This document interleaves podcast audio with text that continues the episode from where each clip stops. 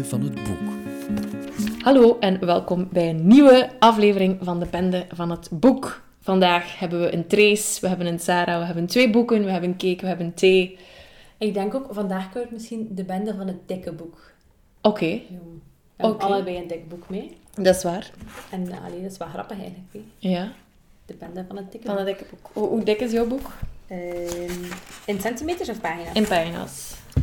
In pagina's is dat... Maar er is heel veel eh, zo eh, voetnootjes op het einde. Maar dat zijn 605 pagina's. Wow. Weet je, denk dat mijn boek is? 601. Maar ik heb niet echt gewonnen, want ik ga al die noten op het einde ga ik echt niet lezen. Ah, oké. het, is echt, het zijn echt van die dingen als in... Le Grand Cordon de la Légion d'honneur. Het eerlint waarmee Napoleon III vaak staat afgebeeld, wordt om de hals gedragen en op de borst. Sorry, no fucks given, hè. Oké, Voilà. voilà. Dus, Welkom. welkom bij de Bende van het dikke boek. Ja, ik heb misschien al weggegeven dat mijn boek in het Frans is. Ehm, dat heb je misschien Serieus? je een boek, boek in het Frans aan het Maar lezen? ja, niet, het is vertaald, is. Maar Ah. Mijn, mijn eh, kleine citaat uit de, het, het, Ah. noten, het citaat uit het notenapparaat. dat is in het Frans. En ehm, het is vertaald, want ik kan helemaal geen Frans. En Ja. het is De Kant van Swan van Marcel Proust. Op zoek naar de verloren tijd, nummer 1. Hoop dat je hem vindt. ik duim Marcel. En Sarah, je bent weer de Anglo-Saxische tour Yes. opgegaan. Eh, ik heb een mega klassieker mee, namelijk East of Eden van John Steinbeck. Dat is echt een dikke klassieker. Ja. Korte inhoud. En waarover gaat jouw roman van Marcel Proust? Ehm, waarover gaat het niet? Ik zal het zo zeggen. Oké. Ehm, Marcel kan echt heel meanderend vertellen. Dus die Mhm. is echt... Die praat over alles. En dan soms denk ik, maar Marcel, wat wil je nu zeggen? Sorry, dat is dan misschien een oordeel. Ja, Ehm, maar eigenlijk bestaat de roman uit drie delen. Het eerste deel heet Combray. En dat is eigenlijk het deel waar dat verteller Marcel ehm, niet opgroeit met zijn ouders, maar hij heeft daar een tante wonen en ze gaan daar heel veel op vakantie. Dus dat eerste deel van die roman, en dat is allee, toch wel op 250 pagina's, denk ik.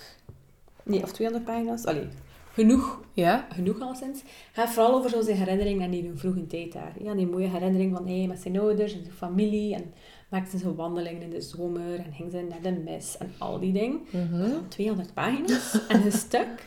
eh, wat dat soms wel wel veel was. Ja. Maar het biedt ook wel een heel mooie schets van enerzijds hoe dat zijn jeugd eruit zag, maar ook aan de herinnering dat we zo allemaal een beetje hebben van onze jeugd. Oké. Dus dat is wel mooi. Het tweede deel heet dan Een amour de. En Svan is eigenlijk een soort van buurman eh, die ze daar hebben in Combray. Ehm, en dat is iemand die eigenlijk al hoog stond in de maatschappij, maar die nu getrouwd is met een vrouw van veel lager, Mhm. veel lager. En iedereen meet die zo wat.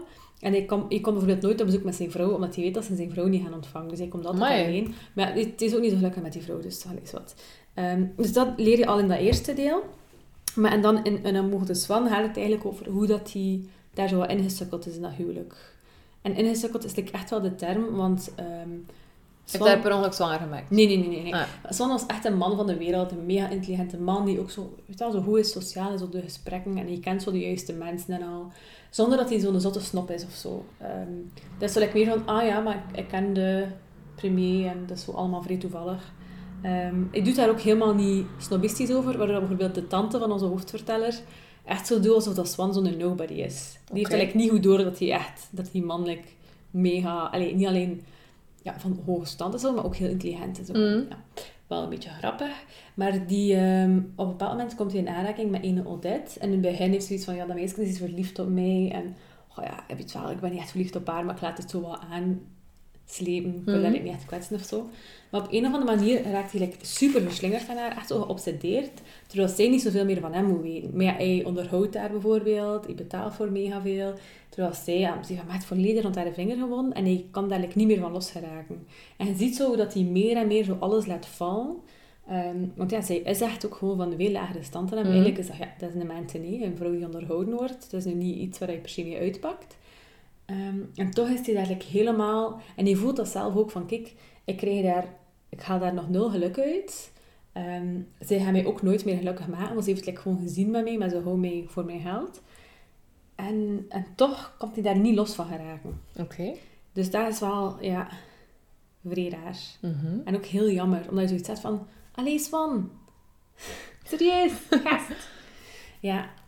En dat is dat tweede stuk. En het derde stuk is Nom de Pays, of uh, Le Nom. Uh, Nom de Pays Le Nom, en dat is dan de plaatsnaam. En dan ga je weer zo'n beetje terug naar Combray en is, kom je weer bij die verteller Marcel terecht. Ja? Ja. En hier in deze roman is Marcel zo nog een klein, klein beetje meer de raamverteller. Ja. Maar dus de uh, La Recherche du Temps Perdu heeft zeven delen. En in die andere delen is hij dan zo wel meer de... Allee, komt hij iets meer Het aan personage zelf. Ja, oké. Ja. Dat is de korte inhoud. Mhm. Was het weer een lange korte? Nee, nee. Oké. Helder. Oké. Ja. Waarover gaat jouw roman, Sarah? Ehm, mijn roman gaat over twee families. En ik denk dat je er eigenlijk ook wel drie delen kan inzien. Mhm. Ehm, het zijn allemaal hoofd- hoofdstukjes wel, maar in mijn hoofd zie ik drie delen. Eh, eerst zien we zo een eh, beschrijving van de, Sal- de Salinas-vallei, Uh-huh. eh, waar het verhaal zich afspeelt. Ehm, we volgen eerst eh, de familie van Samuel, Hami- Ha- amai, Samuel Hamilton Mhm. ehm, en Liza. Dus dat is een koppel. Ehm, en je leert over... eh, zo, dus dat, dat waren migranten uit Ierland, zijn dan naar Amerika gekomen. hé, daar als ja, een boerderij gestart, zo het harde leven. hé, maar wel... dus is, voor wie dat niet weet, de Salinas-vallei is zo een beetje de, de frigo van Amerika. Allee, er wordt daar... De frigo is misschien niet het goede woord. De veiling of De zo. voorraadschuur. De voorraadschuur, dat is het. De graanschuur van Amerika. De graanschuur. Maar dan met perziken en appelsien en al. Mm. Dus mega vruchtbaar. Ja. Nog altijd zo. Ehm, dus de meeste mensen die daar wonen, werken gewoon op een boerderij. Of, of hebben gewoon een, een super, super grote boerderij. Dus ook Samuel en Liza. Dus die werken hard. eh, zo, ja, ze hebben eigenlijk een hard leven, maar ze hebben eigenlijk wel... Veel voldoening. Ze hebben veel voldoening. Ehm, en hij heeft ook de ruimte om een beetje te knutselen. Hij heeft bijvoorbeeld een windmolen gemaakt of zo. Allee, dus knutselen is misschien te klein. Allee, zo Ja. wat, wat projectjes. Zo. Projectjes, dat is ja. Ze hebben ook negen kinderen, dus hij is effectief een vader geworden.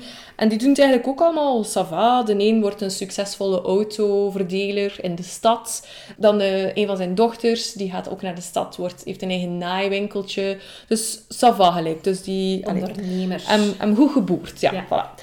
En ehm, dus eerst volg je die familie en dan eh, komt er eh, iemand naar Samuel eh, om te zeggen van kijk, ik wil hier in de buurt een ranch beginnen of ko- overkopen, maar ik weet daar niks van en wil hij mij een beetje helpen om zo de akkers vruchtbaar te maken en zo van die Mhm. dingen. En dat is dan Adam Trask en dat is dan de tweede familie, eh, de Trasks. Ehm, en vanaf die ontmoeting krijg je dan eigenlijk een flashback op het leven en de familie van Adam Trask Ja. die een halfbroer had, Charles, ehm, van dezelfde vader. Ja. En die vader was zo'n vreemd militair. Eh, hij vond ook dat zijn zonen dat moesten doen. Maar Adam was zo'n beetje gevoelig en ook fysiek gewoon wat minder sterk. En hij is dan toch in het leger gegaan, eh, omdat zijn broer, halfbroer Charles, dat was wel zo'n sterke boerzoon. En die pestte hem altijd zo'n beetje, ook fysiek. Dus hij dacht, ik ga in het leger, dan ga ik eindelijk de liefde van mijn vader krijgen. Maar dat is niet zo goed afgelopen. En hij is dan eigenlijk uit dat gezin gevlucht. Oei. Ja, maar hij komt dus dan bij Samuel Hamilton samen met zijn nieuwe vrouw. Hij heeft eh, eindelijk een vrouw gevonden en dat is Katie Ames. Maar voor, eh, of, te, of te- tegelijk eigenlijk, volgen we ook het verhaal van Katie Ames. En leren wij als lezer wie dat eigenlijk echt is. Oei. Ja. Ze klinkt dan niet sympathiek als ik je gezicht zo zie. Nee, ze is niet... ehm, ze is een beetje evil. Oei. Eh, ze heeft bijvoorbeeld haar ouders vermoord. Een beetje evil. in een brand. Dus ze vindt het de max om mensen te manipuleren en ook om ze fysiek pijn te doen. Maar nee. Voilà. Dus dat is denk ik al genoeg qua korte inhoud. Ja, dat klinkt al alsof het er wel veel gebeurt. Er gebeurt veel. Oké. Maar ik moet stoppen nu. Oké. Oké, zoals de korte inhoud. Yes. Feitjes. Dan de feitjes. De feitjes. Marcel Proust. Ik zal, ik zal een beetje vertellen over Marcel. Ja, ik ben wel geïnteresseerd in Marcel. Ehm, Marcel was dus de Fransman. Die had heel veel verschillende namen. Ik heb die niet allemaal opgeschreven. Ik dacht, google it, people. Ehm, is geboren in 1871 en gestorven in 1922.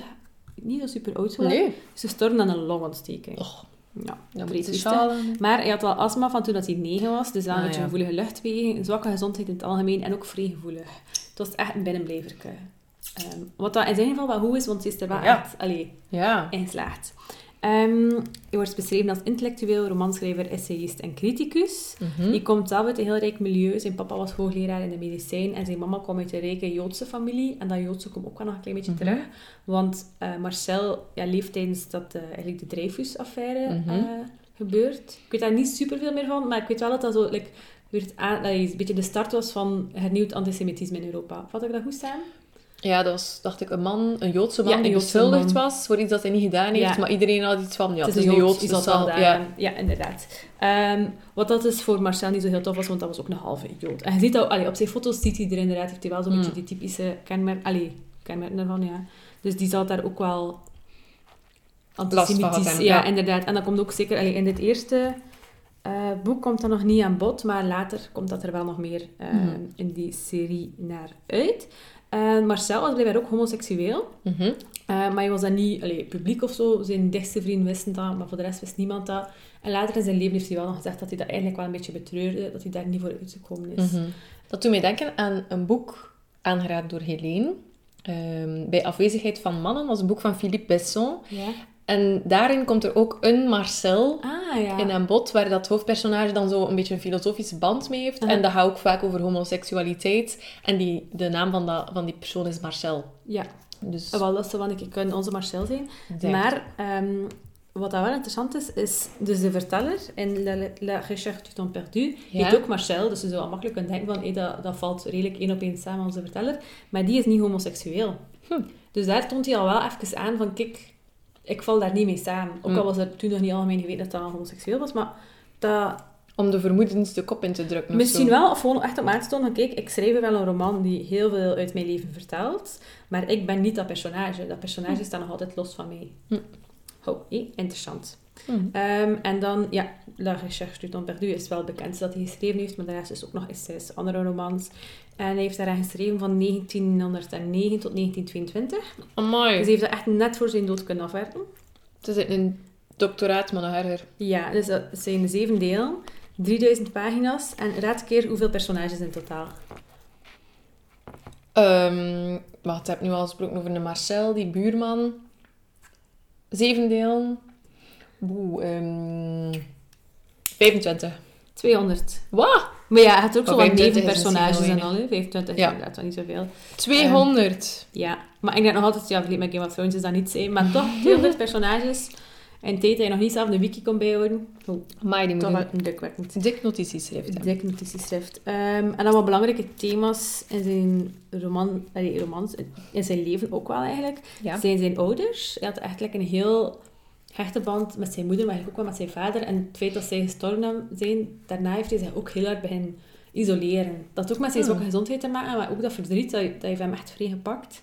Dan ook de liefde, of course. Eh, dan het snopisme dat in die tijd heel erg heerste. Dat zie je ook in die roman. Die een Dreyfus-affaire, de invloed daarvan, Mhm. ook nog veel doorgewerkt. En ook de liefde voor kunst en natuur. Ook in deze roman. Ja, ook hier. Ja, ja Hmm. zeker ook hier. Oké. Eh, dat zijn een beetje zijn thema's. Ik hoop dat de Marcel gelukkig was, maar ik ben het niet zeker. Hm. Ik, in, wel, in, eh, bij afwezigheid van mannen had ik ook zo'n beetje dat gevoel. Ja. Want daarin wordt, wordt de ontmoeting bijvoorbeeld is altijd in een literair salon. Dus ik Mhm. herken wel zo wat dingen. Ja, Philippe Besson gaat zeker Marcel Proust eh ja, ja dat kan zeker zijn. Like, ehm, de Marcel moest ook niet werken, dus omdat zijn ouders zo rijk Ja. waren. En ook met zijn zwakke gezondheid, dat, ja, dat was ook zo'n beetje trenteniersleven. Maar die kwam, op een duur kwam hij ook echt niet veel meer buiten. Hm. Dat was het. Dus jij hebt één deel gelezen van de Zeven. zeven. En ga je de rest leven? Ja, lezen? verspreid over de rest van mijn leven, denk Oké. ik. Dat is chill, hè? Ja, en ze hebben een nieuwe uitgave. Ja, het is wel een mooie Het nieuwe is wel uitgave. Ja, ik ben er wel blij mee. En jij, Sarah? Sorry. Hoe is het met een John? Ehm, goed, eigenlijk. Dus mijn boek komt uit 19... Komt. Is geboren... Ze time traveled naar hier. Oh my Eh, god. is geschreven in 1952. Ehm, en het, het wordt zo een beetje gezien als het magnum opus. Heeft het zelf eigenlijk ook zo gezegd. Het is ook zijn dikste boek, denk ik. Hij heeft Ah, ja. ook heel veel dunne boekjes geschreven. Ah ja. Ja. Het is dan ook de bende van het dikke boek. hè. Voilà, voilà. Het is helemaal op zijn plaats. Ik heb gelezen dat hij het geschreven heeft voor zijn twee eigen zonen. Mhm. Ehm, Tom en John. Uiteraard heeft John, die zelf al de derde John Steinbeck was, blijkbaar, ook een zoon met de naam John. Ehm, dus hij heeft het geschreven om zijn zonen de vallei te leren kennen. Maar niet gewoon de vallei geografisch, Het klinkt maar... in de Leeuwenkoning. Ja, ja, misschien wel. Zo het geluid en de sfeer en de mensen van de valley. Dus dat. Dus hij heeft het, het is echt opgedragen aan zijn twee zonen. Ehm, er zijn heel wat gelijkenissen met de Bijbel. En, Maar ik was net al aan het denken, maar inderdaad zo die twee families in de vallei. En, ja. en dat is bewust. En de titel komt ook daarvan. Ja, Want eerst ging de naam iets zijn in de zin van de Valley of zo. het was iets met Valley. Salinas Valley of zo. Ehm, maar heeft het dan veranderd naar East of Eden. Ehm, en dat komt letterlijk uit het Oude Testament. Namelijk, dus je hebt eh, Kain en Abel, die twee broers, en die ene doodt dan die andere. Ehm, dus Kain doodt Abel, geloof ik. Eh, en er staat in het Oude Testament... And Kain went out from the presence of the Lord and dwelt in the land of Nod on the east of Eden. En het is... Ik heb lang gedacht van, wat wil die titel nu eigenlijk zeggen? Maar eigenlijk past het wel. Want de meeste personages hebben zo'n tweestrijd tussen goed en kwaad. Dat is een heel centraal idee in het boek. Toen het boek verscheen, is het onmiddellijk super positief onthaald. Het is onmiddellijk heel veel lovende kritiek. Ook, dit, eh, ook nu nog wordt het, ik dacht dat ik gelezen had, 300.000 exemplaren of zo eh, verkocht. Ehm, ik, ik zelf heb het gekocht in Salinas, eh, in een museum, het John Steinbeck Museum, want dat bestaat wel degelijk. Eh, het boek is ook verfilmd al in 1955, dus drie jaar later maar. Dus wel snel. Eh, met James Dean als de Cal. Eh, ik ga straks vertellen wie dat, dat was. En in de jaren 80 is er een miniserie van gemaakt. En dat is misschien nuttiger, want ik snap niet hoe dat je van dit gigantisch boek één film kan maken. Plus, ik heb ook gelezen dat er op dit moment plannen zijn eh, bij Universal Studies, eh, Studies, Universal Studies. bij Universal Pictures om er ook een, eh, een adaptatie van te maken met ehm, Jennifer Lawrence als Katie Ames, Ik dacht de evil ik woman. Jennifer Aniston. Ik dacht, ik zie het echt Oei. niet. Maar Jennifer Lawrence zie ik het Ja, wel doen. Ja. ja. Die heeft daar echt de haircut voor. Ja, Voor. ja, voor, voor, ja. John Steinbeck zelf is geboren in 1902 en is gestorven in 1968, dus ook niet zo oud geworden. En hij heeft in 62 de Nobelprijs voor de literatuur gewonnen. Hij heeft 27 boeken geschreven. Amai. Ja. ja, het boek waardoor ik hem heb moeten leren kennen van mijn leerkracht Engels Oei. in het middelbaar is Of Mice and Men. Ja, ik heb dat wel graag gelezen. Ha, ik zou minder, omdat dat moest. Ja, dat snap ik. Ik heb dat niet gelezen wat moest, maar omdat ik het echt uit vrije wil ehm, heb gedaan. Ja, En dat is waarschijnlijk aangenamer. ja want toen, dat, toen dat we daar waren, ik geef toe, ik heb dat boek vooral gekocht omdat we daar waren. Mhm. Daar Maar- dan toch. Echt, ik ben zo... Ik heb het zo graag gelezen. Het is echt... Maar ik geef nu al te veel spoilers weg. Dat zijn Ja. niet echt spoilers. Nee. Ik weet niet, zouden mensen luisteren naar de podcast om dan op het einde te horen wat we ervan vinden? Of... En dat ze mega verrast zijn? Dat weet ik eigenlijk niet. Denk het eigenlijk niet. Nee. Ik kan misschien nog één weetje vertellen. En dat is dat Steinbeck eigenlijk in veel van zijn boeken aandacht heeft voor Californië. Allee, het zuiden dan. ehm, dus de, de regio dat, dat de Salinas Valley vaak aan bod komt. Daarom niet benoemd, maar wel zo het leven daar. Of Mice and Men is ook zo. Zijn werk gaat vaak over onrecht of onrechtvaardigheid. Ehm, zeker of zo het onrecht dat te beurt valt aan gewone mensen. Ja, dat lijkt bijvoorbeeld als je arm geboren bent, dat je er nooit echt kunt uitgeraken, toch? Ja. Eh, of Mice and Men echt zo dat gevoel van, amai, die mensen hebben like geen chance gehad en daarom gaan ze ook nooit meer chance krijgen. Dus dat was wel een beetje sad. Dieper graven. dus, Marcel Proust. Ehm, ik denk, de meningen over Proust zijn vrij verdeeld. Je hebt de lovers en die is zoiets van, oh ja, Proust, een eerste Proust, zo speciaal, blablabla. En dan heb je de haters, die zeggen van, amai, ik ben nooit zo sla- snel in slaap gevallen Oei. als met Marcel Proust. En ik snap ze allebei. Oké. Dus er is ook nog een middencategorie, waar ik momenteel deel van uitmaak. Ehm, maar dat terzijde, wat dat zeker zo is, is dat Proest nogal moeilijk schrijft. En door die lange zin en al die bijgedachten, en je gaat zo heel, je kan zo super, je kan beginnen met een detail, Mhm. en door het detail helemaal gaan uitweiden, en van die grote filosofische ideeën, en verhalen en vertellingen en zo, dat je zo denkt van, oei, maar Marcel, waarover waren wij nu eigenlijk weer bezig? Ja. En dat is zijn stijl. Dat is waarschijnlijk ook gewoon zijn, naar het zijn de manier waarop hij zelf ook praatte. Mhm. Maar dat zorgt er ook voor dat je er heel traag door geraakt. Ja. En je moet waarschijnlijk zo heel hard focussen. Ja, hij begint echt... Ik zal misschien een keer de eerste zin voorlezen. Ja. Het begon niet met de Madeleinekes. Ik dacht, oh, waar zijn de Madeleinekes? Dus nog niet daar. De Madeleinekes zijn later. Lang ben ik bijtijds gaan slapen. Soms, de kaars maar net gedoofd, vielen mijn ogen zo vlug dicht dat ik niet de tijd kreeg om bij mezelf te denken: ik val in slaap. En een half uur later maakte de gedachte dat het tijd was om in slaap te komen me wakker. Ik wilde het boek dat ik nog in mijn handen meende te hebben wegleggen en mijn lichtje uitblazen. Al slapend was ik blijven nadenken over het gelezene, maar dat denken had een wat eigenaardige wending genomen. Het leek me dat ik het zelf was waar het boek over ging. Een kerk, een strijkkwartet, de rivaliteit tussen Frans I en Karel V, dat idee bleef bij mijn ontwaken een paar seconden hangen. Het ruiste niet in tegen mijn verstand, maar lag als schellen over mijn ogen en belette ze te constateren dat de blaker niet meer brandde. Zijn je al afgeleid, Sarah? Mhm, mhm. Ja, dus echt zelfs als ik het voorlees, ben ik al afgeleid. En dat Ja. is echt constant zo. Oké. Dus ik ben hier al meer dan een maand in bezig. Ja. Wat dan normaal niet van mij gewoond is. Ik lees echt heel snel. En er is wel een verhaal. Mhm. Er is, ik, ik heb het verhaal net al in mijn korte inhoud verteld. Dus dat eerste stuk van het verhaal gaat over de jonge Marcel, die wel of niet ook onze Marcel is, die wel in heel gelijkaardige omstandigheden opgroeit. En eigenlijk zou je waarschijnlijk in tien zin kunnen zeggen wat er gebeurt daarin. Namelijk, eh, Marcel babbelt over praten. Marcel ziet zijn moeder graag. De grootmoeder van Marcel wandelt in de tuin en het regent. Marcel maakt een wandeling met zijn ouders, eerst langs de kant van Gemeente, dan langs de kant van Swan. Dat zijn gewoon twee kanten van het dorp. Het ene ligt bij het landgoed van de Germantes en de andere ligt bij het landgoed van Swan. Dat is zo wat. Ehm, wat gebeurt er dan nog? Marcel gaat naar de kerk. Marcel babbelt over de meid van zijn tante. Zijn tante is een hypochonder. Ja, ah, en dan Marcel wil niet gaan slapen, want hij wil nog slapen als hij tegen zijn mama. Ehm, en dat is het zo wat. En, en toch blijf je dat like, lezen. En dat is echt gekke daaraan, want je zit heel tijd afgeleid, maar er gebeuren... Allee, je vertelt heel veel en je weet die sfeer ook zo perfect te vatten van hoe dat Ja. vakanties ook zijn als je kind bent. Ja. Zo van, je ligt in je bed en dan hoort ze buiten nog babbelen en je denkt, oh, ik wil eigenlijk ook nog buiten zijn, hé, bij mama en papa en de grote mensen, maar ik weet dat ik niet mag. En zo'n beetje, ja, dat nostalgische weet je zo keihard op te roepen daar. Ja. Ik ga je zien, ik heb daar ik heb echt heel veel pagina's omgeplooid. Ehm, dus je beschrijft eerst zeker 20 pagina's hoe dat is om in slaap te vallen en wakker te worden. En het is zo, ja, zoals ik al zei, dat is een supergevoelige man en dat was als kind ook al. Die heeft een heel harde nood aan zijn ouders en aan die aandacht van hen. Die kan ook niet goed slapen. Ehm, ga ik je iets voorlezen van in die eerste pagina's. Hè?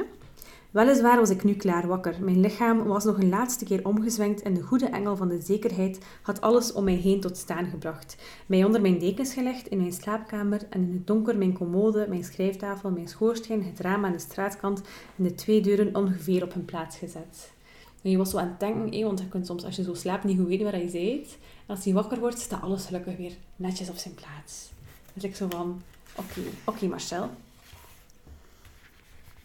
Dan, zoals ik zei, Marcel zijn grootmoeder wandelt in de regen. Daar ga ik ook nog niet over voorlezen, want dat vond ik te grappig. Iedereen, behalve mijn grootmoeder, die het zonde vond om binnen te blijven als ze op het land was, en die eindeloze woordenwisselingen met mijn vader had op al te natte regendagen, omdat hij mij naar mijn kamer stuurde om te lezen in plaats van naar buiten. Op die manier wordt hij nooit groot en flink, zei zij treurig. Vooral dit joch dat zo nodig moet aansterken en meer wilskracht moet krijgen. Mijn vader haalde zijn schouders op en bestudeerde de barometer, want hij hield van meteorologie. Terwijl mijn moeder, die zo stil mogelijk deed om hem niet te storen, hem met vertederde eerbied aankeek. Maar niet te indringend, om niet te doen of zij het geheim van zijn superioriteit wilde doorgronden. Maar mijn grootmoeder, haar kon je in weer en wind, zelfs als het goot van de regen en Françoise in allerijl de kostbare rieten stoelen had binnengehaald, uit angst dat ze nat werden, in de lege, door de stortbrui gestreamde tuin haar, verha- haar verwaaide grijze lokken naar achteren zien strijken, om haar voorhoofd de heilzame kracht van wind en regen beter te laten opnemen. Eindelijk haal je adem, zei zij, en liep over de kletsnatte paadjes, volgens haar al te symmetrisch aangelegd door de nieuwe, van gevoel voor de natuur verstoken tuinman en wie mijn vader vanaf de vroege morgen had gevraagd of het zou opklaren. Met haar geestdrif- geestdriftige, hortende pasjes, afgestemd op de diverse impulsen die de rust van het onweer, de macht van de gezondheidsideeën, de onzinnigheid van mijn opvoeding en de symmetrie van de tuin in haar ziel opwekten, veel eer dan op de behoefte die haar vreemd was, haar prune rok te vrijwaren voor de modderspatten waar de stof tot een voor haar kamersmeisjes altijd wanhopig makende en problematische hoogte onder verdween. Dat is ook een hele lange zin. Ehm, maar ja, je, je doet het ook maar. Hè. Ik denk, Marcel, ja, ik heb het er like wel voor over.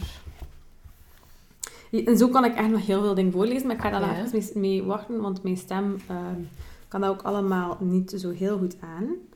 Ehm, maar dus nog, ja, dus nu hoor je eigenlijk al een paar dingen die daarin terugkomen. Hè. Dus bijvoorbeeld die liefde voor zo wat meer die wildheid van die natuur, dat hij van zijn Mhm. grootmoeder heeft. Van hey, die symmetrische paadjes is allemaal nergens goed voor en dat buiten zijn, dat is belangrijk. Terwijl hij zelf, hier ook al gehoord had, dat hij zelf veel meer moest binnenblijven. Dat ze iets heeft van, ja, buiten zijn, dat zou juist goed zijn voor de jong. Ja. Dat is wel een typische mening van oma's natuurlijk. Ehm, ja, dat zit er allemaal al een klein beetje in. Ehm, ah, en dan kom ik aan het stuk ehm, van de Madeleines. Voor mensen die niet weten wat de Madeleines zijn, dus heel die eh, cyclus van Proest gaat eigenlijk over ja, herinnering. Hè? Dus wat herinner je, hoe haal je het op? Soms gaat het er ook over van hoe echt zijn die herinneringen. Hè? Wat, want ja, like, al die details dat hij hier vertelt, ja, dat is gewoon onmogelijk dat hij dat nog weet. Ja. Ehm, maar die Madeleines, dat gaat echt heel hard over het gevoel dat terugkomt met die herinnering. Dat dat niet gewoon feitelijke details zijn, maar dat door kleine dingen, ja, vaak ja. sensorische dingen, zoals geur of smaak of whatever, dat er dan een heel levende herinnering kan bovenkomen. En die scène gaat hierover. Ik ga ze ook voorlezen, omdat ze zo belangrijk is. En dan ga ik een beetje minder. Zo is het ook met ons verleden. Het is verloren moeite als we het proberen op te roepen. Alle inspanningen van ons verstand zijn zinloos. Het ligt buiten het domein en het bereik ervan verborgen in een stoffelijk voorwerp, zonder dat wij het bevroeden. En of wij dat voorwerp voor onze dood tegenkomen of niet tegenkomen, hangt van het toeval af.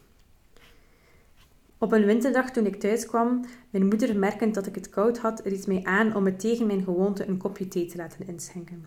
Ik sloeg het eerst af en ik weet niet waarom, bedacht me toen. Zij liet een van die bollige stompe cakejes brengen, petit madeleines geheten. Petit madeleines, sorry voor mijn Frans, die gevormd lijken te zijn in de gegroefde schaal van een Sint-Jacobschelp.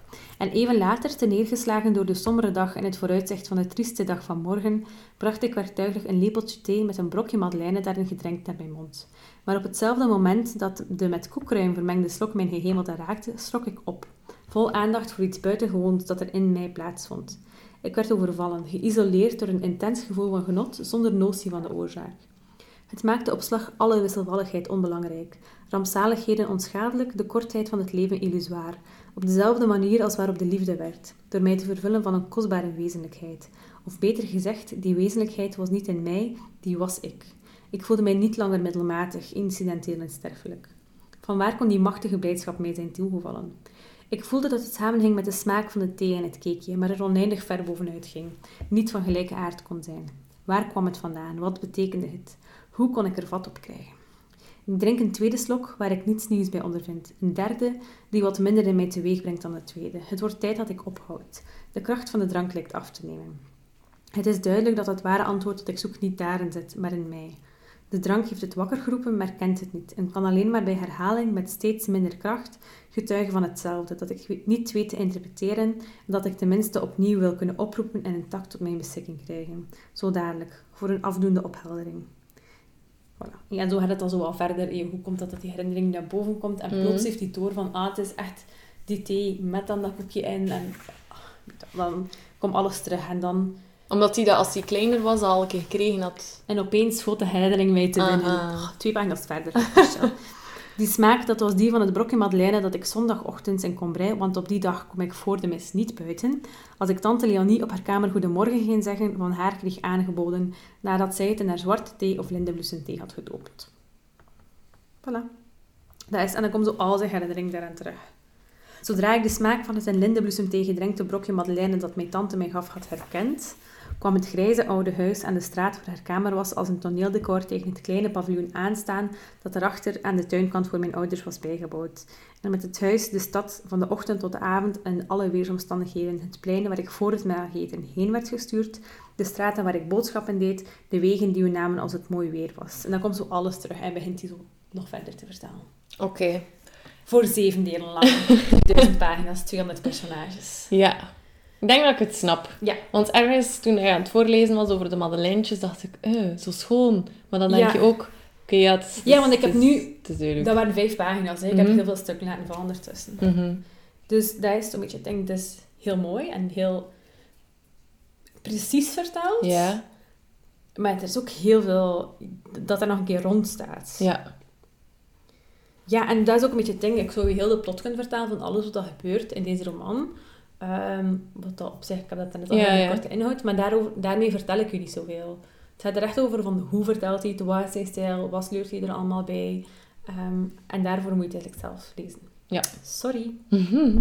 Dus ik ga bij deze eh, al stoppen met mijn feitje, eh, met mijn dieper graven. Oké. Als het niet bestand. Nu, dat niet. Sarah, dan mag jij nu van alles vertellen over East of Eden. Oké.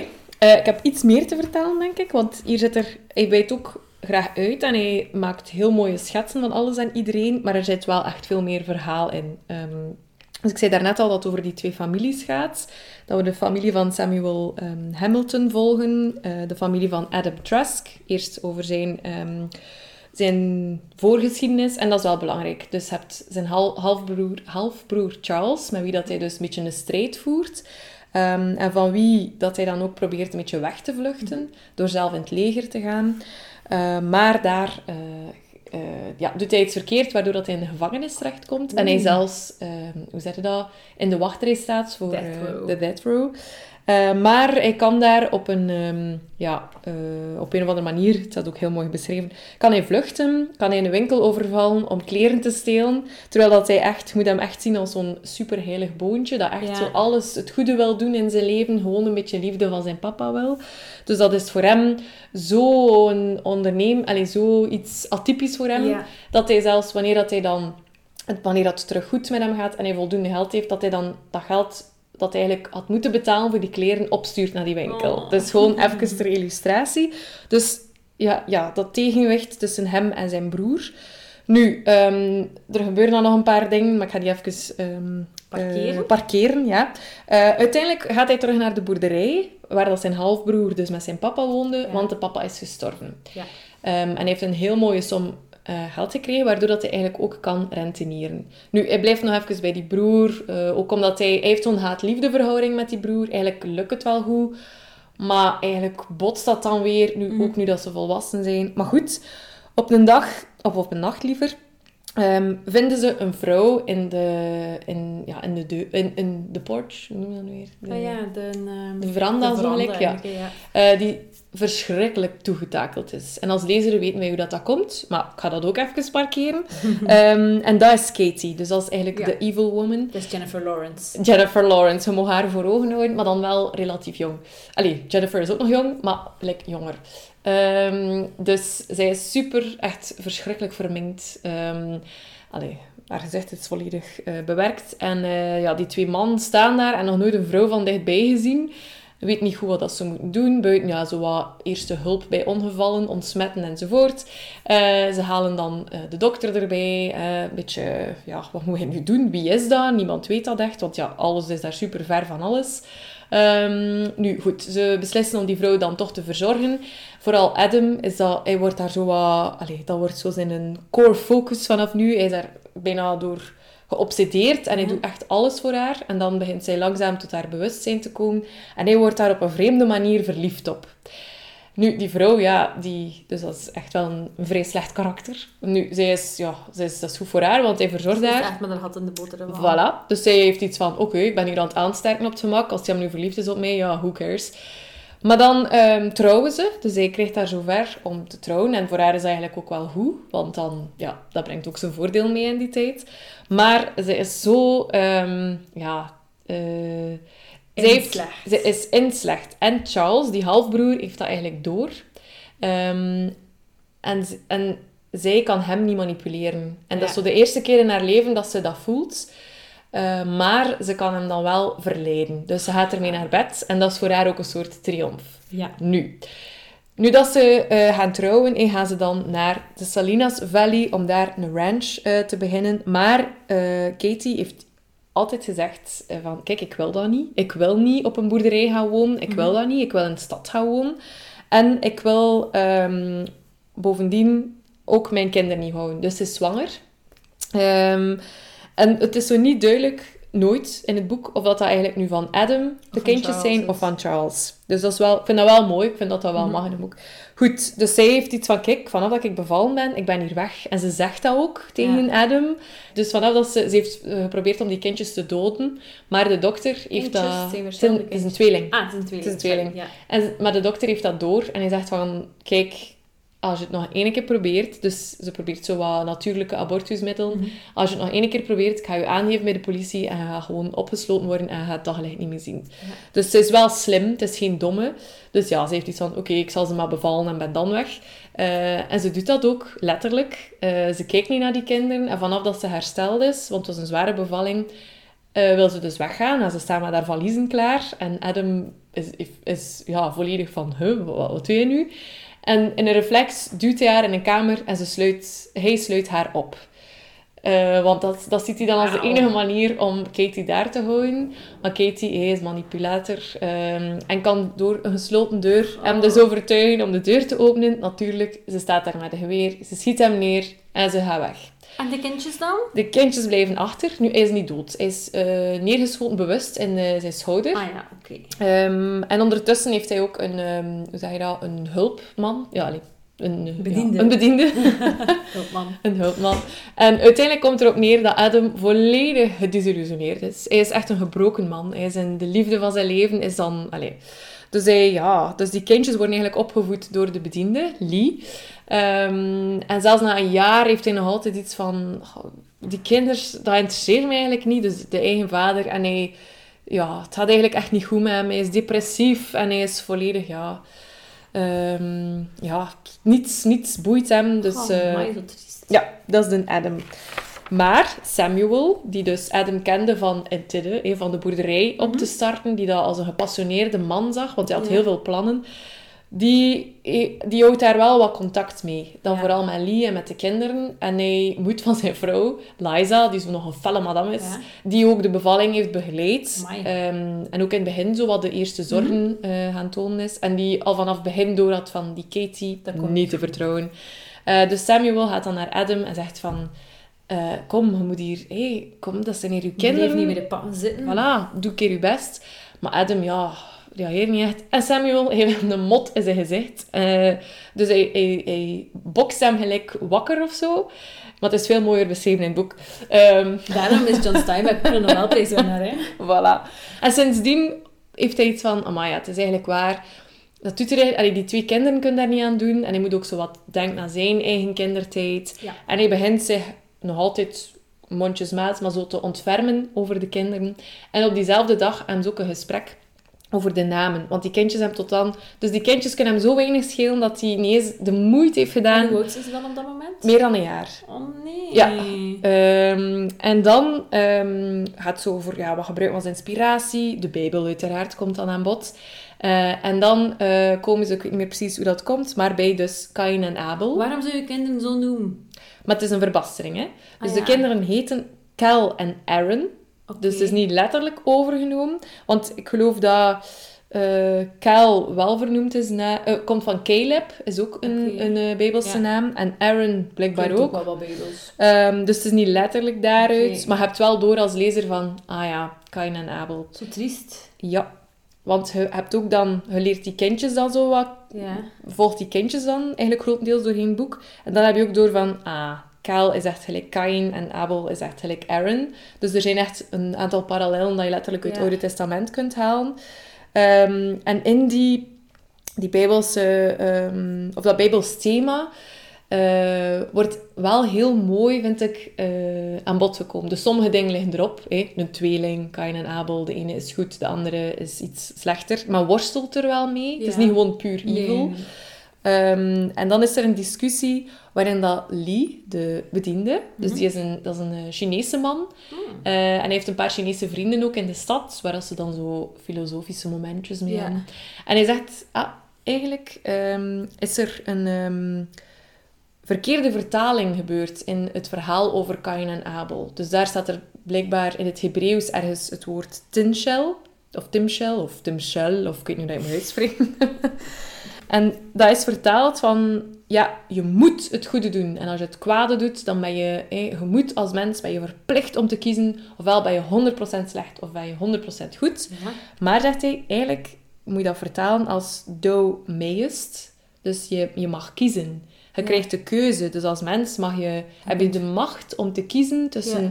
het goede en het slechte. Dus je bent niet het goede of het slechte. Goed, dus die kerels groeien op. Dus die volg je dan eh, vooral in het, ja, ik denk het derde blok. Mhm. Terwijl is Samuel Hamilton al overleden. Dus je hebt ook wel een mooi zicht gekregen over al zijn kinderen, wat dat er met die kinderen is Mhm. gebeurd. Maar die zijn met zoveel dat dat zo iets minder Ja, dominant dat waren is. de negen kinderen. Ja, dat waren er negen. Maar wel ook weer belangrijk, omdat eh, ja, een aantal van hen hebben een nauwe band met eh De twee Cal en Aaron. Ja, dus dat. Ehm, dus Katie, die dus weggelopen is met haar valiezen, die is naar de stad Salinas getrokken en die heeft daar een bordeel overgenomen. Eh, de job van haar leven. Ja, En die, die doet dat vrij goed. En het is zo een beetje een speciaal bordeel, wat dat zo wat allee, sadistische... Ja, je kunt zo nog een keer betalen om iemand mot te geven. hoor. Ja, voilà. Ja. Het is zo'n beetje... Allee, of een mot te krijgen vooral. Ja, ah, sorry, ja, mot te Voilà. krijgen. En ze heeft alles in de Weinig hand. ervaring in de branche. Eh, dus ze heeft het zover gekregen dat ze eigenlijk de vroegere madame, of hoe zeg je dat? De vroegere Ja. bazin, volledig heeft kunnen naar haar hand zetten. Zij heeft heel het spel geërfd, dus ja, ze is stinkend rijk. Eh, ze heeft ook van alle hoge pieven die daar komen naar de hoertjes bezwarende foto's. Dus ze kan iedereen, Allee. hoe zeg je dat, blackmailen. Dus Ja. allee, ze is eigenlijk, eigenlijk is ze heel slim vooral. Ze is zelf ook niet zo lang prostituee geweest. Ze heeft daar heel snel kunnen opwerken. Nu, Adam weet dat. En Adam heeft zelfs na al die jaren nog altijd iets van... Amai, Katie, dat is echt de vrouw van mijn Ah, leven. en Adam heet zelfs ook Adam. Ik Ah. had daar nog niet over Amai, nagedacht. ik ook niet. maar nu denken we er wel over na, Ja. Oké, dus die heeft nog altijd bewondering voor Katie. Ja, en dan gaat hij op een dag naar Katie en dan hè, vallen zijn ogen open van... Amai, dat is echt gewoon een slechte, slecht, slecht mens. Een, Een onmens. een onmens. Dus Adam weet, wat dat er, weet dan uiteindelijk wat dat er met Katie gebeurd is. Hè. Ehm, dus hebt dan eigenlijk nog meer het extreme tussen Adam, de goede man, die dan hè, beslist om voor de zonen te zorgen, en Katie, de, de, ja, het pure evil. Eh, en dat is echt wel een dominant thema. En er is één hoofdstukje dat niet echt duidelijk is wie dat er dan nu vertelt, of wie dat, dat is die aan het woord is, en die gelijk een toelichting geeft van het thema, goed versus kwaad of zo. Dus ik ga een stukje lezen, als ik mag. Go, Sarah. A child may ask, What is the world's story about? And the grown man or woman may wonder, What way will the world go? How does it end? And while we're at it, what's the story about? I believe that there is one story in the world, and only one, that has frightened and inspired us, so that we live in a pearl white serial of continuing thought and wonder. Humans are caught in their lives, in their thoughts, in their hungers and ambitions, in their avarice and cruelty, and in their kindness and generosity too, in a net of good and evil. I think this is the only story we have, and that it occurs on all levels of feeling and intelligence. Virtue and vice were warp and woof of our first consciousness, and they will be the fabric of our last and they will be the fabric of our last, and this despite any changes we may impose on field and river and mountain, on economy and manners. There is no other story. A man, after he has brushed off the dust and chips of his life, will have left only the hard, clean questions. Was it good or was it evil? Have I done well or ill? Ja, dus dat thema is echt super dominant. Zeker bij Cal, dus de zoon, Mhm. die, die denkt echt dat hij een super slecht persoon is, terwijl dat, dat echt niet zo is. Ja. Het is gewoon een jongen die opgroeit en, en ja, ook jaloezie voelt. En, en ja, dat is normaal, dat is menselijk. Maar dan ook Adam tegenover zijn vroegere broer, die een beetje hetzelfde had. Zo de strijd in aandacht bij uw vader. Mhm. Ook tegenover de liefde. Er is één meisje, eh, Abra, waar de- dat dan ehm, Aaron, dus de, de goede broer, Ja. een soort bijna eh, platonische liefde mee heeft. Maar Cal begint daar eigenlijk iets anders voor te voelen. Ja. Dus zo die, die twee dingen. Ook Katie zelf, ehm, die echt ook volgt tot, tot op het einde van haar leven. Ah, ja. Die, zelfs zij heeft dan iets van... Amai, was, was het eigenlijk allemaal wel waard? En terwijl dat ze echt alles wat ze doet is super. Ja, is echt eh, ja, bijna... Hoe zeg je dat? Zo de slechte, de slechte persoon in een... Even naam. Villain. Ja. Zo de... Ja. Ehm, dus dat is ook gewoon... Op zich is dat misschien een iets wat oud thema. Het komt ook uit het Oude Testament. Maar je snapt wel zo de, de strijd die die eh, personages eh, voeren. Ik ga misschien gewoon stoppen. Want er zijn nog heel veel verhaallijnen en personages. Maar we moeten het waarschijnlijk gewoon zelf lezen. Ja. Ah nee, dat ga je nu zeggen bij ons finale oordeel. Finale oordeel. Ik denk dat je misschien mijn finale oordeel over Marcel wel al weet. Je Ah, zit in team zelfs 2. Nee, nee, ik zit in het middenteam. Wel, dat is team 2. Ah, ik dacht dat team team 2... 1, 2 en 3. Ah, ik dacht dat je team 1 en 2 had en dan 3. Als een 1 is voor, 2 is tegen en 3 is Ah ja, middenin. neutraal. Ah ja, nee, sorry. Ja, dus in die opstelling Ja. zit ik in team 3. Ja. Als in, ik vind het super mooi wat dat hij vertaalt en de manier Ja. van vertellen. Soms denk ik ook, Marcel, maak zo'n kort verhaal. Mhm. Wat denk je? Mhm. Ehm, dus ik denk wel dat ik nog stukken ga lezen van heel de cyclus. Maar zo heel verspreid over mijn leven. Ja. Om dan zo de laatste zo te lezen op 95-jarige leeftijd of zo. Wow. Dus als ik nu even dan terugreken, als ik nu iedere 10 jaar een boek lees, ja, dan moet het misschien wel 100 worden. Ja, nee. Of als ik nu iedere 8 jaar een lees. ja, dan zou het moeten lukken. Oké, dus dan Ja. kunnen we binnen acht jaar een podcast maken over het volgende deel. Ja, inderdaad. En ehm, ja, het is ook zo'n boek dat ik zo super moeilijk zou vinden om aan iemand aan te raden. Omdat, ja, Mhm. ik wil niet dat ze boos zijn op mij. ja, Ja, maar ik snap het wel, want het ding dat je hebt voorgelezen, denk ik ook, amai, zo'n mooi beeld. ja, Maar dat kun je wel korter zeggen. ja. Ja. Ja, maar moest hij het korter gezegd hebben, was hij misschien ook niet zo bekend geworden. En je moet ook Ja. inbeelden, die heeft de meeste van die dingen gewoon gelezen, toen hij, eh, geschreven toen dat hij in zijn bed lag. En niet meer buiten kwam. Maar dat schrijft wel niet gemakkelijk. Nee, dat is wel waar. Maar eh, moest ik zoveel tijd hebben, misschien dat ik het ook zou doen. Ja. Helaas heb ik niet zoveel tijd om te lezen. Zat. Jouw finale oordeel, Sarah. Ja, ik ben eh, mega fan. Het is, Ja. ehm, ik denk dat misschien ergens een beetje op Marcel Proust gelijkt, in die zin dat het ook vaak over een heel intense beschrijving gaat, maar ze zijn gelijk wel... Ik dwaal niet af. Ik heb echt geen ene keer... Nee, want er is echt heel veel plot bij u, hè? Ja, voilà. Er is veel er is plot, veel inhoud. plot bij mij. En je moet inderdaad goed volgen, want je hebt heel veel Hamiltons en zo. Of zo van, ah ja, shit, wie is de broer van die en dan dat? Maar dat lukt goed. Omdat er, ja, je zit, je zit zo gefocust en je zit zo mee. Ook al lees je het niet in één week uit of zo. Eh, ja, het is, het is, hij is geniaal in, in, in sferen eh, scheppen. Maar ik wil daarom misschien nog één quoteje Ah, lezen.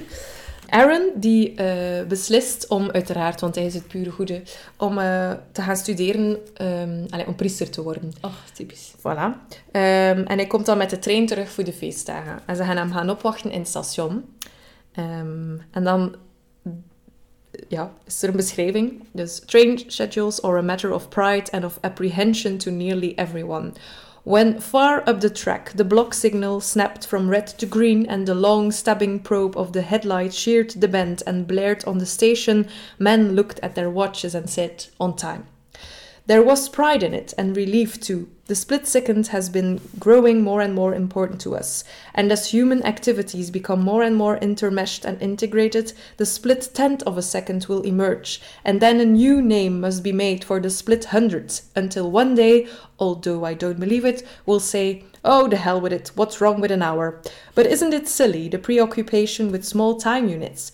One thing late or early can disrupt everything around it, and the disturbance runs outward in bands like the waves from a dropped stone in a quiet pool. Dat is toch super Ja, dat mooi? is wel echt mooi. Zeker omdat wij al in de splitseconden dingen zitten. Ja. En Proest zou, Proest dat drie pagina's hebben weten. Ja. Minst. Voilà. Bij mij is het twee alineaatjes. Ja. En To the point. voilà, je denkt even mee, want Lee is, ah, je ziet een trein afkomen, uh, even die zijsprong, maar dan, hup, trein is er, Aaron Nice. stapt uit, en Chill. het verhaal gaat verder. Dus ja, ik ben fan. Oké, ik ben blij. Ja, het heeft me wel, ik heb nog een keer gekeken op Goodreads, ik ben erin begonnen in november. Wauw. Ja, ik had gelijk niet dat gevoel. Maar ik heb Ja, ondertussen wel nog andere boeken gelezen, ja. dat is waar. Maar goed, eh, Steinbeck, doen. Oké. Dus ik hoop, Trace, dat je nu een boek aan het lezen bent, dat je misschien iets sneller door kan gaan. Ik hoop het ook, want de volgende op de stapel is er eentje van onze boekenclub. En dat is Little Women van Louisa May Alcott. Ik heb gezien dat we dezelfde versie hebben en die is Ja. super mooi. En er is ook een nieuwe Nederlandse versie uit. De Nederlandse naam is Onder Moeders Vleugels. Ik vind dat echt geniaal. En het is een illustratie van Liekeland. Echt heel mooi. Maar ja, we lezen het Engels. En ben je er al in begonnen? Ehm, ja, ik heb op het vliegtuig een stuk gelezen, op de iPad al. Mm. En ik denk dat ik zo 20, 30 pagina's al Ah, ja. gelezen heb. Ja. Ik denk ook misschien iets meer. En wat vond je er al van? Dus to- ik vind het... eh, ik had het liever gelezen in kerstperiode of zo. Ja, het is vrij kerstig, hè, maar Ja. ik denk wel dat het misschien niet heel tijd zo kerstig is. Ah ja, oké. Ja. Oké. De zeemzoet wel. Ja, zeem, maar zeemzoet, maar ik denk dat dat ook wel een keer leuk is. Ja. Na al de miserie van de wereld. Ja.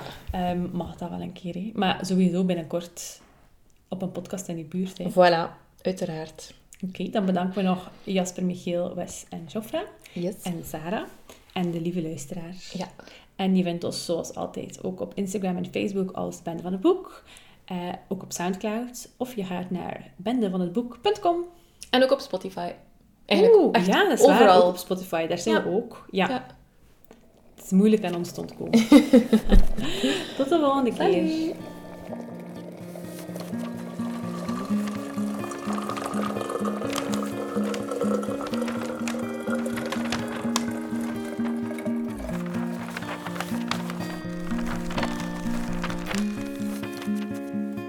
Van het boek.